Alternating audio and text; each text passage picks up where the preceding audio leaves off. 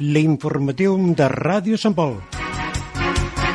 Editat i presentat per Jordi Sugranyes. I a la part tècnica, Josep Dalmau. L'informatiu de Ràdio Sant Pol.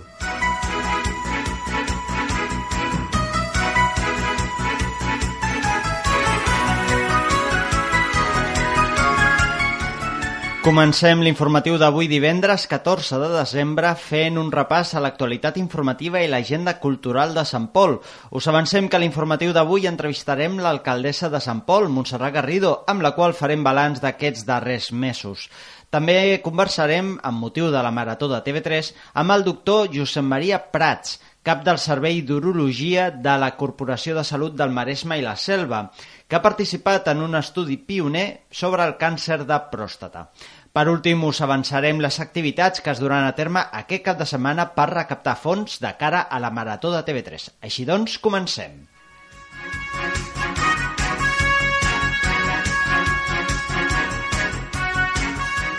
I iniciem el repàs de l'actualitat de Sant Pol anunciant que s'ha obert el procés d'adjudicació per reubicar les embarcacions de la platja de les Barques. El termini per presentar la documentació al registre municipal acaba el pròxim 19 de desembre.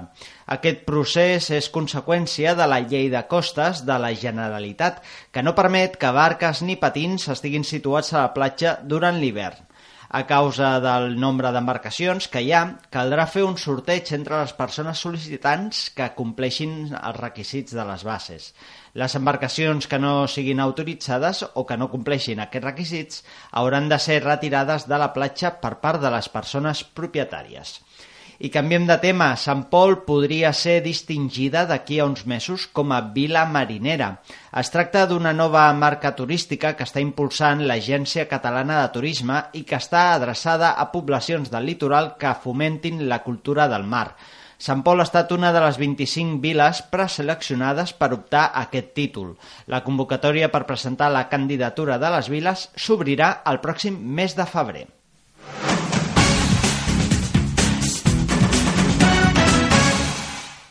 Estem a les acaballes d'aquest any 2018 i hem volgut convidar a Ràdio Sant Pol a l'alcaldessa de Sant Pol, Montserrat Garrido. Bona tarda, alcaldessa. Hola, bona tarda. Per fer una mica doncs, de valoració política d'aquest any, que ja estem acabant. Uh, quin balanç polític fa d'aquest any?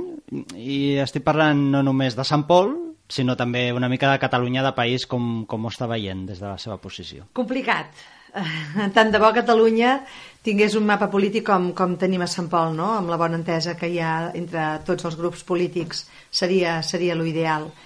A nivell de Catalunya veig que anem una mica coixos, una mica coixos amb el sentit de que doncs, costa de que es posin d'acord, costa de que hi hagi unanimitat, costa de deixar els colors polítics a una banda i pensar en clau de país, que realment és el que en aquests moments ens interessa, no? pensar en clau de país perquè la lluita és precisament pel país, la lluita és per la república, no per qui governa o deixa de governar. Això hi arribarà en el seu moment. Primer s'ha d'assolir un objectiu, que és assolir aquesta, aquesta república, el poder fer un referèndum doncs, que, que ens el deixin fer, que pugui sortir el que la, realment la gent vol, i des dels partits polítics, precisament, el que hem de fer és això, treballar, treballar i treballar perquè la majoria de gent doncs, ens faci costat i puguem arribar a tenir un país eh, lliure. Uh -huh. La situació, ja ho deia, eh, de Catalunya respecte, o de Sant Pol respecte a Catalunya és molt diferent, completament, completament. I aquí doncs es va avançant. Bé, doncs aquí anem avançant amb el dia a dia. A vegades no s'avança amb les coses que, que estan previstes de fer tan de pressa com ens agradaria, doncs per qüestió de que els tempos, doncs, sobretot amb coses, amb qüestions d'obres, amb les inversions, és complicat perquè tot segueix uns tempos acordats, eh? doncs amb, amb el que han d'estar eh, amb exposició pública, amb si són dies naturals o no, doncs moltes vegades s'allarga molt, després ara eh, la llei de pressupostos doncs, obliga a que hi ha d'haver concurs públic, en pública concurrència, de qualsevol cosa que, que es faci a l'Ajuntament, no et deixa doncs, de que puguis repetir amb empreses que saps que són eh, molt complidores, que treballen molt bé, no t'ho deixen fer. Llavors això també és un entrebanc bastant gran pel dia a dia i per moltes vegades cobrir les necessitats i les urgències que, que es produeixen. Uh -huh. I que a vegades s'han de resoldre eh, o, o s'han d'intentar resoldre aviat, Sí, oi? però i a part, moltes doncs que ens agradaria poder-les resoldre amb més lleugeresa, més ràpidament i, i no és possible. Uh -huh. Precisament volíem trobar-nos amb vostè, alcaldessa, doncs, per parlar d'aquests projectes que potser alguns s'han començat, altres s'estan retrasant eh, o altres estan previstos. Uh, I comencem amb un que tot just fa uns dies es va inaugurar la nova comissaria de la policia local de Sant Pol, al carrer Roger de Flor, i volíem saber una mica quina valoració en fa des del govern municipal doncs, d'aquestes noves dependències. Jo, Jordi, em, permetràs que et rectifiqui, però inaugurar no, no, no es va inaugurar, es va posar en marxa. Mhm, eh? Sí que al cap de la policia li feia il·lusió doncs, que eh, assistíssim a l'aixecada de banderes Mhm. i doncs, que també hi fossin els Mossos d'Esquadra, els comandaments dels Mossos d'Esquadra mm, doncs, d'Arenys, que són els que, els que nosaltres ens donen un cop de mà, no? o, que, o Mhm. que són competència seva, eh, però bueno, l'únic que va ser doncs, és això, no? posar-ho en marxa, posar en funcionament aquesta comissaria que creiem que donarà un molt bon servei, a l'estar al mig del poble serà més factible per la gent, eh, no hi ha traves eh, estructurals o de, o de ara, espera't, eh, que ara no em surt Sí. la paraula de... Sí, De- de de, de, la gent barreres- que, de barreres barreres arquitect- arquitectòniques, correcte, no hi ha aquestes traves, vull dir, està tot adaptat, evidentment, a lo que, a lo que la llei, a lo que la llei marca, i el més important és que les persones que treballen allà estiguin amb les condicions òptimes com, com els hi toca estar. Doncs, doncs tenir la sala del briefing, tenir un menjador com correspon, una sala doncs, per poder-se reunir, eh, poder tenir la cel·la on hi ha els detinguts, doncs que, que tinguem una cel·la tal com toca, tal com marca la llei. Vaja, uns vestidors amb unes dutxes, eh, com correspon i com, com ha de ser per les persones que hi ha dies que fan 12 hores seguides de guàrdia i han d'estar en unes condicions òptimes. I el més important doncs, és això, no? l'atenció de, del públic, que es pugui fer, com qui diu, a peu de carrer, que no hagin de pujar aquelles escales tan horroroses que hi havia on havien estat fins ara. I, i bé, jo l'únic doncs, que desitjo és que aquest espai estigui ben utilitzat i que la gent doncs, s'hi sentin a gust. Unes instal·lacions, a més, molt modernes, Bueno, sobretot en comparació. Oi? De... Evidentment, ara tot està... Uh, D'estrenar. Tot, tot és nou i tot està posat doncs, amb les condicions. Hem tingut la sort que ha coincidit l'estesa de la fibra òptica, doncs, que allà hi han pogut començar a treballar amb la fibra òptica, que això doncs, també amb ells també els hi va molt bé, perquè moltes vegades se'ls hi penjava el drac o aquestes eines que, de comunicació que ells fan servir, eh? dins del, dins del cos policial i de Mossos d'Esquadra i d'aquesta manera doncs, també hi haurà una comunicació millor. Mhm. Una iniciativa que s'ha anat consolidant l'últim any i que està tenint molt, molt bona acceptació és la zona taronja d'aparcament, que eh, ara està bàsicament ubicada a la plaça de l'hotel.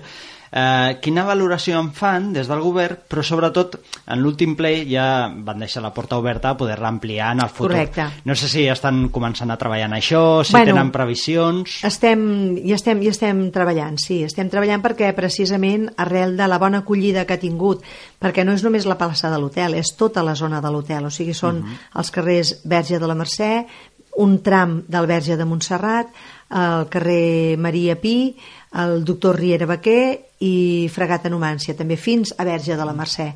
eh, bueno, I el tros de la Sènia, també tot un tram de, de la Sènia. Allà es va fer una enquesta una vegada doncs, superat l'estiu i els usuaris n'estaven amb un nivell molt alt, molt alt, contents, però molt alt, eh? I quan dic molt alt és que és molt alt. Evidentment, sempre hi ha algú doncs, que, no, que no hi està d'acord, però el dia a dia ja és això, o sigui, els que estan d'acord amb les coses i els que no hi estan d'acord, però el que interessa és l'interès de la gran majoria. I nosaltres creiem que, bueno, que la resposta ha sigut molt bona. Per tant, que hi ha altres zones que, que ho estan demanant i s'ha de fer un plantejament perquè, clar, eh, hi ha punts que els veïns ho demanen, però que és més difícil d'aplicació perquè hi ha poques places de, uh -huh. de pàrquing i allà dalt a la zona de l'hotel n'hi han moltes més i clar, hi ha una mobilitat gran perquè això que durant el dia hi pugui aparcar tothom doncs va molt bé i que a la nit els residents que tinguin assegurat que puguin aparcar prop de casa, no vull dir que puguin aparcar davant de casa seva, no? però que ho puguin fer prop de casa, doncs també és una tranquil·litat. Uh -huh. uh... De tota manera, no hem inventat res, eh?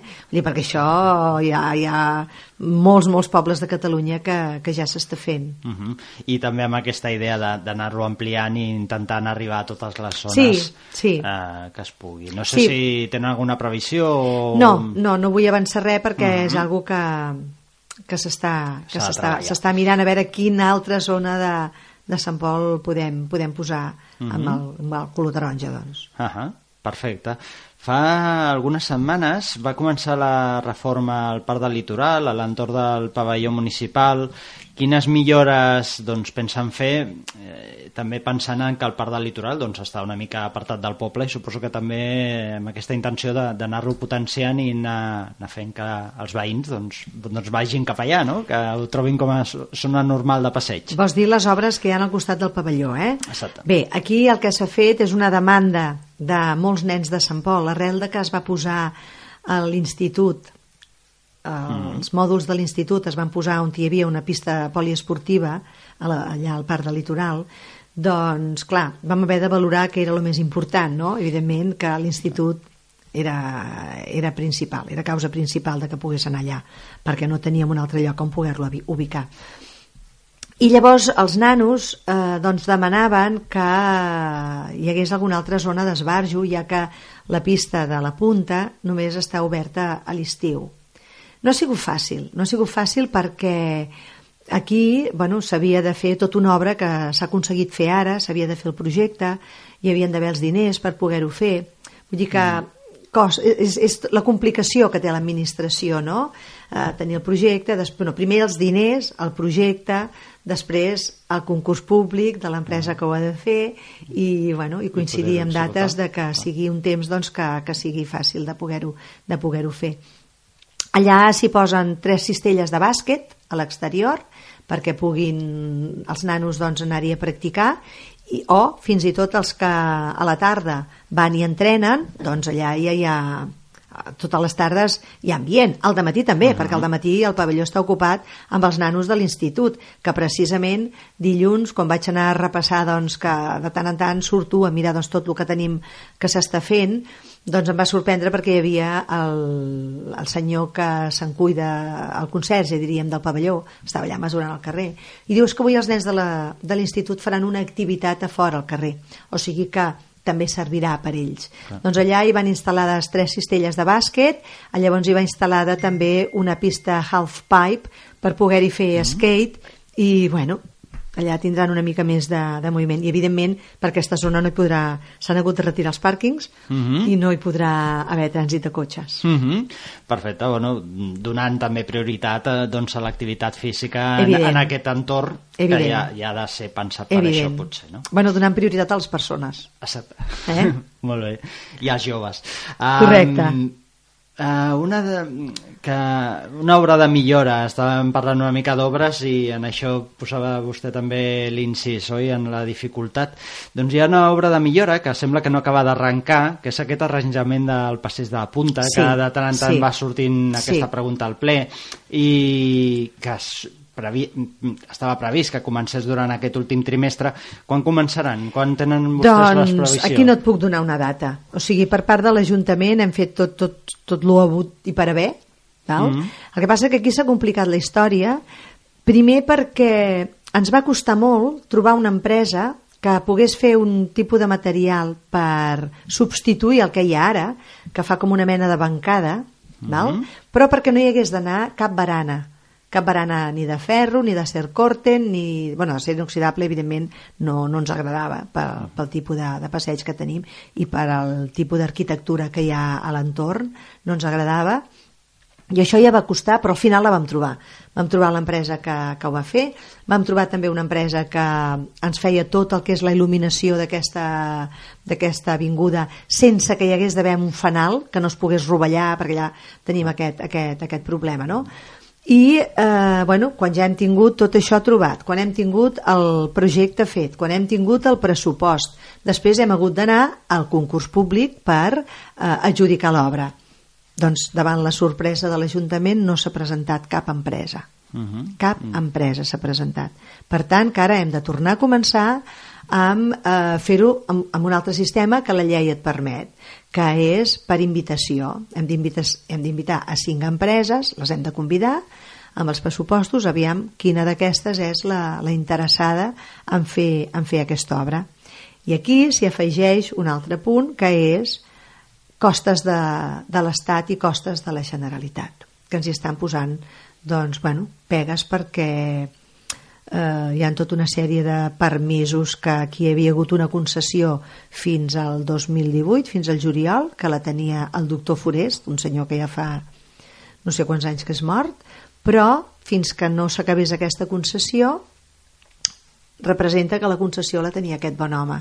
Ara representa que s'ha de fer la reversió cap a costes i amb aquest itinere, amb aquest temps, mm. doncs representa que no s'hi podria fer res, cosa que des de l'Ajuntament eh, ja s'ha dit i jo personalment he parlat amb el, amb el director dient que sentint-ho molt a la que tinguem l'empresa que ens pugui fer les obres, nosaltres ho tirarem endavant, perquè allò, ara, tal com està ara, és un perill. Mm -hmm. Per però tant, més que... és una via pública de, sí, de, sí, del poble. Sí, però sí, sí, la sessió la, és de, la propietat és de costes. Eh, I al cap i a la fi, qui fa el manteniment i qui fa les reparacions quan es trenca alguna cosa és l'Ajuntament. Vull dir que ells no paguen ni un duro, tot el contrari. Però com que sempre hem de demanar permís, està fins i tot per fer les sardanes, per fer les rebelles, hem de demanar permís a, a costes i pagar, pagar uh -huh. per la utilització d'aquests espais. Doncs el que farem ara aquesta vegada és, tan punt haguem tingut l'empresa que és la que l'adjudicatària doncs, que, que pugui fer aquestes obres, ho tirarem endavant. Uh -huh. Bueno, està bé que ens expliqui... Però sí que no, sí que no et puc dir, és, doncs ho començarem al gener, perquè la nostra no, idea, clar. si no hi haguessin hagut tots aquests problemes, precisament era començar-ho dins d'aquest últim trimestre de l'any. Aquesta no, era l'idea. Però està bé que expliqui, perquè són detalls que possiblement molta gent no, no, no sap sí, ni s'imagina, no? la gent ho desconeix i és normal eh, que ho desconegui, perquè, bueno, no tothom mira la pàgina web o no tothom doncs, eh, llegeix les notícies que surten de l'Ajuntament i no tothom per preguntar tampoc fa servir els canals que tenim habilitats a l'Ajuntament que evidentment es respon a tothom i a mi mhm. tothom que em para eh, jo sempre faig la broma aquella no? de, de que ja, ja no solament tinc el nom de Lili Montserrat sinó que en tinc una pila més uh mhm. -huh. perquè la gent doncs ai ara que et veig ja sé que no toca ara que et trobo val? i escolta, i només faltaria, donem les explicacions que calguin i que són la realitat, o sigui que no és ni per inoperància dels polítics ni dels tècnics, sinó que són per qüestions eh, sobrevingudes que van sortint i que les hem d'anar sortejant i trampejant uh -huh. i mhm. salvant-les. Uh mhm. -huh. Perfecte. Fa unes setmanes, eh, canviem de tema absolutament, eh, es va inaugurar la plaça de l'1 d'octubre del 2017. Sí. Eh, què representa per a Sant Pol? Doncs tenir aquesta nomenclatura. La plaça ja existia, eh, per entendre'ns, que és just la de davant de la biblioteca, per tant no s'ha inaugurat cap espai ni s'ha obert res nou, però sí que, que representa aquest, eh, aquesta nomenclatura per Sant Pol i per l'homenatge que implícitament doncs, va lligat a aquest nom. Bé, eh, tu hi vas ser-hi uh -huh. i el mhm. que es va ser va ser un bateig Mm -hmm, perquè, clar, allà hi ha una placeta, però que no, no tenia nom, perquè mm -hmm. eh, la Fundació Goromines correspon al carrer Consolat del Mar, i el número que li toqui, no? Eh, llavors nosaltres, com que aquí a Sant Pol, aquí a Sant Pol, per exemple, tenim diferents llocs que s'anomenen pel nom popular que la gent li ha donat. Perquè Uh -huh. la plaça de l'hotel, la plaça de l'hotel és la plaça Mm. Anselm Clavé. Sí, exacte. La plaça dels Quatre Cantons és la plaça Jaume Roig i Pujol. Clar, a molta gent li preguntes on està aquesta plaça? I diu, ah, doncs no sé. La tenim, aquesta plaça? Doncs sí, la tenim. Per tant, que aquest nom és un nom que s'havia de posar en un lloc que no n'hi hagués, que no hi hagués nom. I sí que és cert que hi va haver una, una iniciativa de recollida de signatures perquè la gent doncs, volia que a Sant Pol tinguéssim aquest nom de la plaça d'1 d'octubre o, o carrer de l'1 d'octubre. No? En principi demanaven la plaça 1 d'octubre i demanaven la plaça de l'Ajuntament. La plaça de l'Ajuntament tota la vida serà la plaça de l'Ajuntament, perquè tot i que el títol és plaça de la Vila, tampoc se li diu, es diu la plaça de l'Ajuntament, d'acord? Eh, agrair novament a, a la iniciativa, però des de l'Ajuntament, el consistori, vam decidir que, eh, atenent aquesta demanda, el que faríem seria un canvi d'ubicació. També se'ls hi va parlar, eh, a una, a una sèrie de persones que eren les que van vendre la iniciativa, se'ls hi va dir, els hi va semblar molt bé, i per això vam fer aquest bateig de la plaça de l'1 d'octubre, i no oblidem que és plaça de l'1 d'octubre del 2017, Uh -huh. que va ser un moment crucial, jo entenc, pel país, per Catalunya per cada poble i cada racó de Catalunya. Aquesta data penso que no l'oblidarem perquè va ser una data mm, de trencament, de trencament, de, de començar una resistència pacífica, però de començar-la, i de començar a dir tothom el que pensa i el que creu que hi ha d'haver. I sobretot a reclamar democràcia, que és el que, el que necessitem. Uh -huh. Que amb la democràcia, si s'exerceix tal qual és, doncs hauríem de poder tenir un referèndum i acceptar el que sortís d'aquest referèndum. Uh -huh. Perfecte. I mm, ja per anar acabant, hem fet tot un repàs, eh? I possiblement ens deixem molts temes, però bé, en tot cas ja els anirem tocant. Però no volíem acabar sense parlar doncs, d'aquest projecte o procés de renovació de l'escut i la bandera de l'Ajuntament, que, que bé, que tot just començarà d'aquí poquet o que s'ha començat a, a dibuixar les línies. Ens pot avançar una mica com, com serà aquest procediment? Mm, No sé si, si tenen pensat doncs, preguntar als veïns i veïnes que, que, quina opció prefereixen i una mica com sorgeix aquesta idea, com la van dibuixant. A veure, aquesta idea ja fa molts anys que va sorgir a l'Ajuntament anterior, ja fa uns quants anys, i eh, això és des de la Generalitat, que et diuen quin és l'escut que correspon a cada població. No solament l'escut, sinó l'escut i els colors.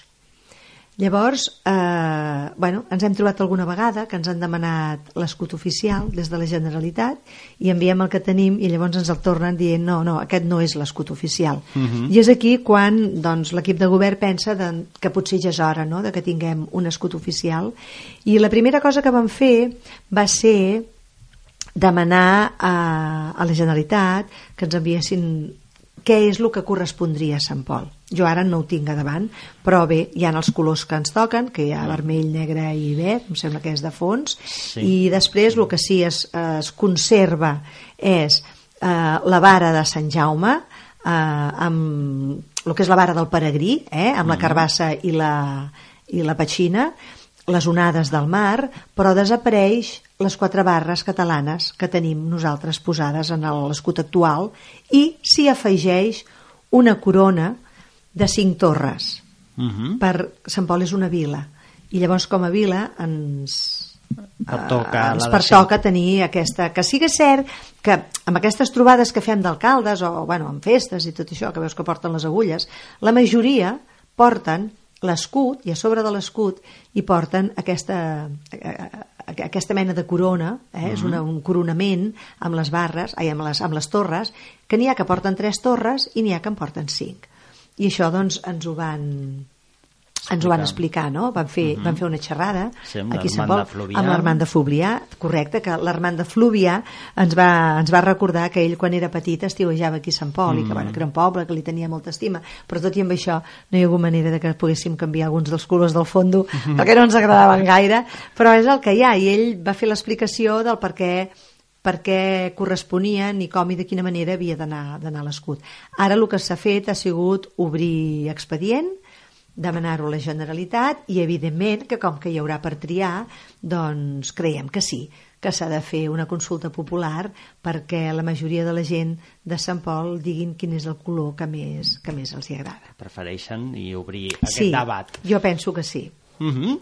Perfecte, doncs moltíssimes Hi ha, gràcies. hi ha una cosa que no, que no l'hem tocat Doncs- doncs digue'm. i és, i és un, dos coses que, bueno, que s'estan fent que també han sigut amb molta demanda de, sobretot de la gent jove, de la canalla que és que estem instal·lant a la Sènia esperant doncs, de que, a veure si tirem d'una vegada endavant amb el POM que puguem ja resoldre el tema de l'institut i puguem recuperar una altra vegada la pista de la punta doncs eh, s'estan posant unes porteries al, al pàrquing de la Sènia que tot i amb això doncs, eh, hi continuarà havent-hi aparcament perquè mentre no s'hi juga a futbol, com que la pista és de sorra, doncs s'hi podrà aparcar exactament igual, i el que es fa és una remodelació d'aquell espai amb, les, amb aquesta pista de futbol o camp de futbol i unes taules de pícnic perquè doncs, allà la gent puguin puguin estar més a prop, no? com si diguéssim. Obrir l'espai una Sí, mica- sí, l'espai s'obre perquè tingui més, visual, més visibilitat també i doncs la canalla puguin allà a fer quatre xuts almenys, almenys de dia i a les hores que tinguin de lleure i després a la rejoleria que és aquell espai, aquella zona verda que hi ha al costat d'on tenim els horts urbans i a darrere dels pisos de Morer, perquè veus, la rejoleria potser hi haurà molta gent que no, que no saben on la tenim. Doncs allà al parc de la rejoleria el que hi han fet ha, sit, ha sigut un parc inclusiu, un parc infantil inclusiu, on hi podran anar els nens amb, amb problemes de mobilitat i tenen els seus elements per poder-se gronxar, per poder rodar, per poder-s'ho passar bé i també hi ha un espai d'esport, de, de cardio. O sigui que ara a Sant Pol ja tindrem tres parcs infantils a tres punts diferents de la població per diferents edats i, i activitats mm. i tres punts de gimnàs saludables que doncs el que volem precisament és això, fer i tenir un poble adreçat a les persones. Uh -huh. A més, repartits una Repartits mica... en tres puntes, Perquè- en tres puntes de la població, que un està al Parc del Litoral, eh, l'altre està doncs, al Parc dels Gegants i I l'altre aquí a la Rejoleria, que aquí li haurem de buscar nom amb aquest parc. Haurem de buscar nom amb aquest parc. Molt bé, Eh? doncs perfecte. Doncs, Doncs, moltíssimes, moltíssimes gràcies. Aprofito, ja que estem acostant-nos als dies de Nadal, doncs, felicitar els Nadals a tots els sampolencs, a tots els que ens vinguin a visitar i sense deixar de pensar en aquestes persones que tenim exiliades i les persones que tenim empresonades.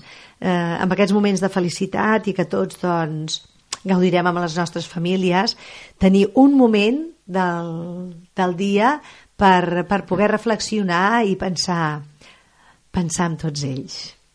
Moltíssimes gràcies. A vosaltres.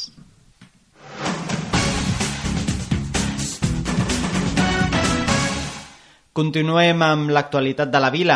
Dimarts passat, l'Ajuntament va fer entrega de tions als infants que han nascut durant aquest any 2018. El lliurament del primer tió d'aquests nens i nenes es va realitzar dissabte durant la Fira de Santa Llúcia.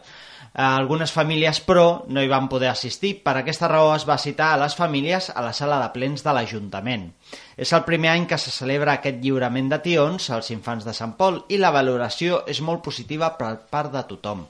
Enguany s'han repartit fins a 36 tions i la intenció de l'Ajuntament és continuar any rere any amb aquesta celebració. I acabem aquesta secció recordant que ja ha obert la nova comissaria de la policia local de Sant Pol. Les noves dependències es troben al carrer Roger de Flor número 25. L'horari d'atenció al ciutadà és de dilluns a divendres, excepte els dies festius, de 9 del matí a 1 del migdia i de 4 a 2 quarts de 6 de la tarda.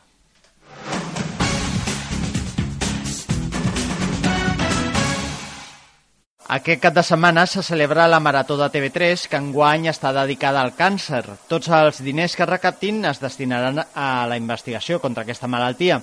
I aquesta mateixa setmana també hem conegut que el doctor Josep Maria Prats, cap del Servei d'Urologia de la Corporació de Salut del Maresme i la Selva, ha participat en un estudi pioner dut a terme a la Universitat Thomas Jefferson de Filadèlfia que cercava la manera per frenar la progressió del càncer de pròstata agressiu. Tenim al telèfon el doctor Prats perquè ens doni més detalls. Bona tarda, doctor. Bona tarda. Ens pot explicar una mica en què consisteix aquest estudi i què suposa per a la lluita contra el càncer de pròstata en concret? Sí, eh, jo crec que potser abans d'entrar a explicar l'estudi caldria dimensionar una miqueta eh, què vol dir el càncer de pròstata a la nostra societat mm. i quins són els reptes que tenim actualment. Si parlem de números, el càncer de pròstata és el segon més eh, diagnosticat a nivell poblacional, el primer en incidència a nivell d'homes, mm. però si mirem la prevalença, que vol dir el número de pacients vius amb diagnòstic de càncer, és el primer tant entre homes i dones, tot i que sigui un càncer exclusiu d'homes. Per tant, estem davant d'un grup de població molt alt afectat d'aquesta malaltia. Un dels problemes que tenim amb el càncer de pròstata és que és realment un càncer molt heterogeni. Què vol dir? Que tenim des de càncers molt poc agressius, que no afectaran la qualitat de vida ni la supervivència dels pacients, fins que aquells que són molt agressius i eh, podran arribar a causar la mort del pacient, limitant els anys de vida que li queden i la seva qualitat de vida. Actualment, l'eina que tenim per diagnosticar, per fer el cribatge d'aquests pacients que poden estar en risc de tenir un càncer de pròstata, és una analítica de sang que es diu PSA. Però aquesta analítica és realment poc eh, específica, que vol dir que podem tenir pacients que tinguin un PSA aixecat i no tinguin un càncer de la pròstata, o bé mm. pacients que tinguin un PSA aixecat però el càncer de la pròstata sigui d'aquells que no els hi afectarà ni la seva supervivència ni la seva qualitat de vida. El que hem buscat en aquest estudi és un biomarcador, que vol dir una molècula que podem detectar a l'orina dels pacients, que ens ajuda a diagnosticar aquells pacients que tenen un càncer de pròstata dels que seran agressius d'una forma més sensible que no pas l'analítica que tenim actualment. Uh -huh. I a més, aquest marcador ens ajuda a fer un, una targeta diana per atacar els càncers aquests agressius i que no es desenvolupin tant. Mm -hmm. O sigui que suposa um, un bon pas per a la lluita contra aquest càncer i per conèixer-lo una mica millor, no? Per, per detectar-lo de manera més eficient, també. Ah, exacte. Ens facilita el diagnòstic i també ens facilitarà en un futur, perquè ara ja està en una segona fase, que és intentant desenvolupar aquest nou fàrmac, per ajudar aquells pacients que no hem pogut fer un tractament curatiu d'inici, o sigui, aquells pacients que hem agafat en fase en què la malaltia no està estesa en forma de metàstasis o localment molt avançada que no ens permeti operar-los per fer-li una curació i ens permetrà fer un tractament que eh, retraci l'evolució de la malaltia i intenti cronificar-lo. I fins i tot eh, aquest tractament podria fer que eh, en aquells pacients que estan fracassant els tractaments que estem fent servir actualment tornin a ser efectius aquests tractaments. Mm -hmm. O sigui, un molt bon pas, oi?, cap endavant. Um, L'estudi està publicat a la revista Cell, eh, que té molt prestigi en el món científic, i la participació del Servei d'Urologia, que vostè coordina, doncs, ha estat molt important, ha estat mm, quasi fonamental, inclús amb, amb pacients, oi?, que, que hi han participat. Com ho valora, aquesta participació tan intensa?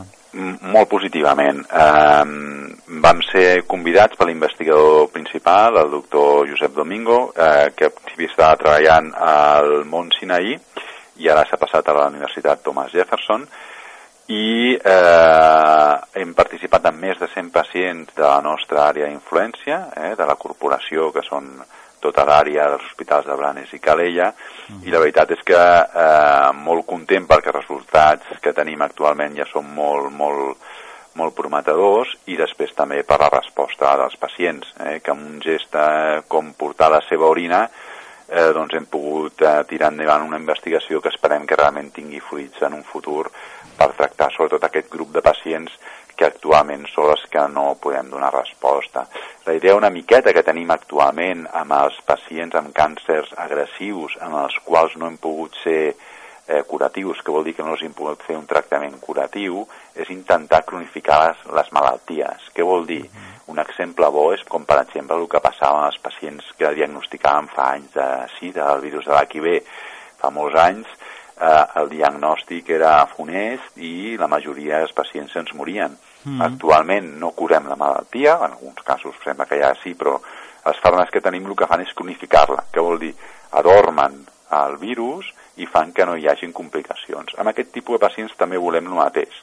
Potser no els curarem de la seva malaltia, però cronificarem la seva malaltia i el pacient viurà amb aquesta sense patir efectes secundaris ni alteració de la qualitat de vida i sense que el fet de tenir aquest càncer de pròstata els hi afecti la seva supervivència. Això és una miqueta l'objectiu final de tots aquests estudis mm. que estan duent a terme. Clar, davant d'aquest càncer, d'aquesta tipologia de càncer tan agressiu, tan agressiva, possiblement és la, la, la primera solució, oi? Mm, doncs que la, la malaltia no, no empitjori ni la qualitat de vida ni, ni, ni, ni resti anys de vida. Correcte, correcte. Sí, sí, un cop ja sabem que estem en una fase de la malaltia en la qual no podem dur a terme un tractament curatiu, perquè actualment no disposem d'aquest, eh, diguem-ne que eh, el fet de no mm, curar-lo però cronificar-lo eh, acaba tenint els mateixos beneficis pel pacient si realment som capaços de que aquest mm, càncer quedi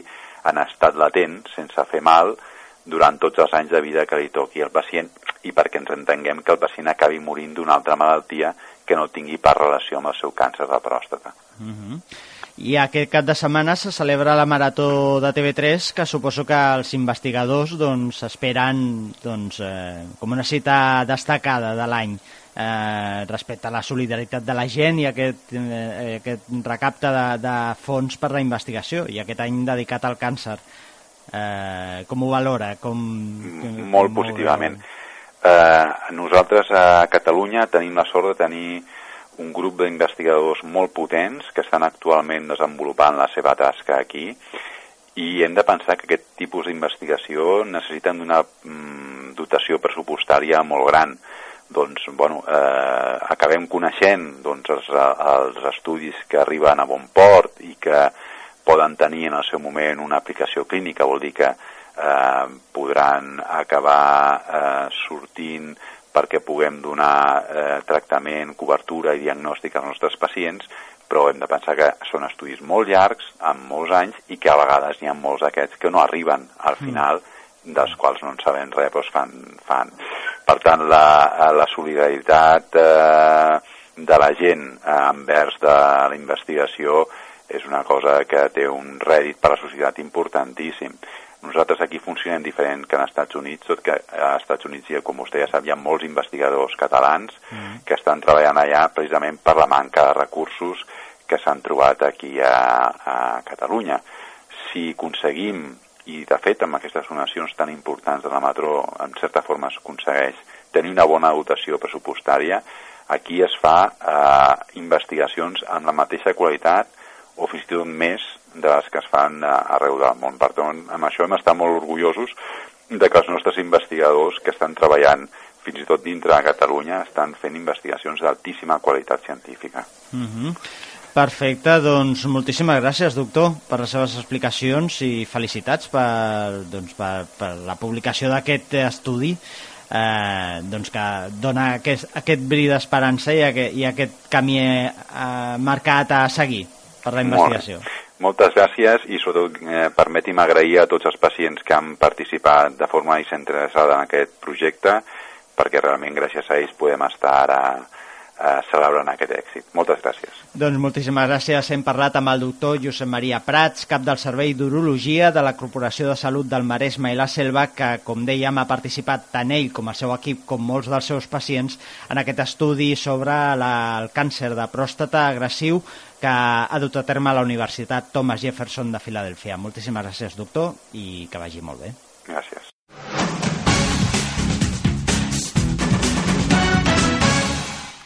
Aquest cap de setmana és molt especial, tal com parlàvem amb el doctor Prats, ja que estarà farcit d'activitats de cara a recaptar fons per a la Marató de TV3. Enguany la Marató està dedicada al càncer i els diners recaptats serviran per invertir en aquesta investigació.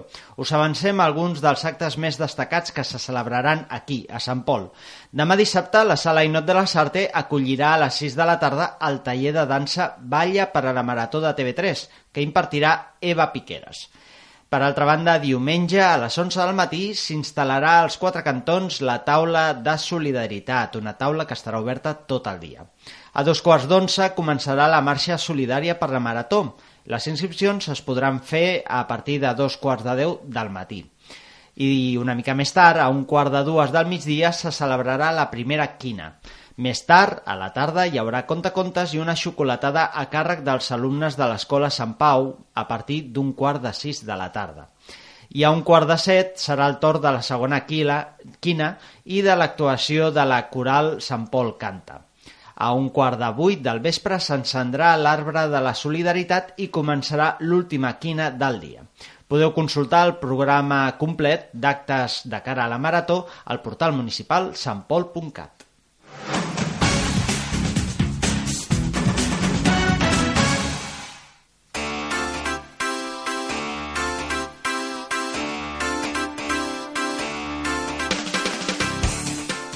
Fem un repàs als actes culturals d'aquest cap de setmana. Avui, a les 8 del vespre, la Sala Inot de la Sarte acollirà la xerrada que ens espera l'any que ve, segons l'astrologia i la numerologia. Anirà a càrrec de Josep Maria Gimbernat, astròleg i numeròleg. Per altra banda, demà dissabte a dos quarts de dotze del matí es durà a terme la xerrada tast sobre cuina de Nadal i d'hivern titulada Buscant l'equilibri entre la cuina tradicional i les noves tendències. Anirà a càrrec de Marta Roth, diplomada en naturopatia. L'acte es durà a terme a la sala Ainot de la Sarte. Per altra banda, diumenge a les 8 del vespre el Museu de Pintura acollirà el dia més curt, una cita amb la disciplina dels curtmetratges. Es tracta d'un acte que se celebra arreu de Catalunya i en el qual es projectaran un gran nombre de curtmetratges a tot d'escenaris. A Sant Pol, com hem dit, serà l'escenari serà al Museu de Pintura.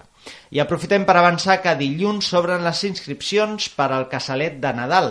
Les inscripcions es podran realitzar a Cal Arturo des de les 9 del matí fins a la 1 del migdia i aquestes inscripcions estaran obertes fins al divendres 21 de desembre.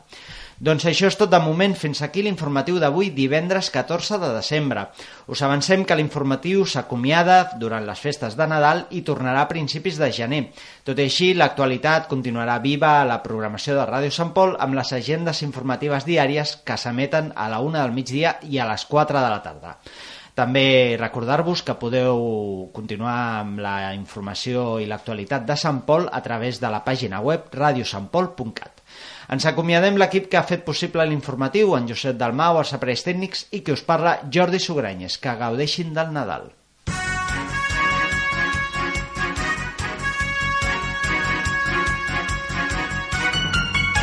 L'informatiu. Els divendres a les 13 i 16 hores a Ràdio Sant Pol. També per internet i a les xarxes socials. Ràdio Sant Pol, 107.2, freqüència modulada.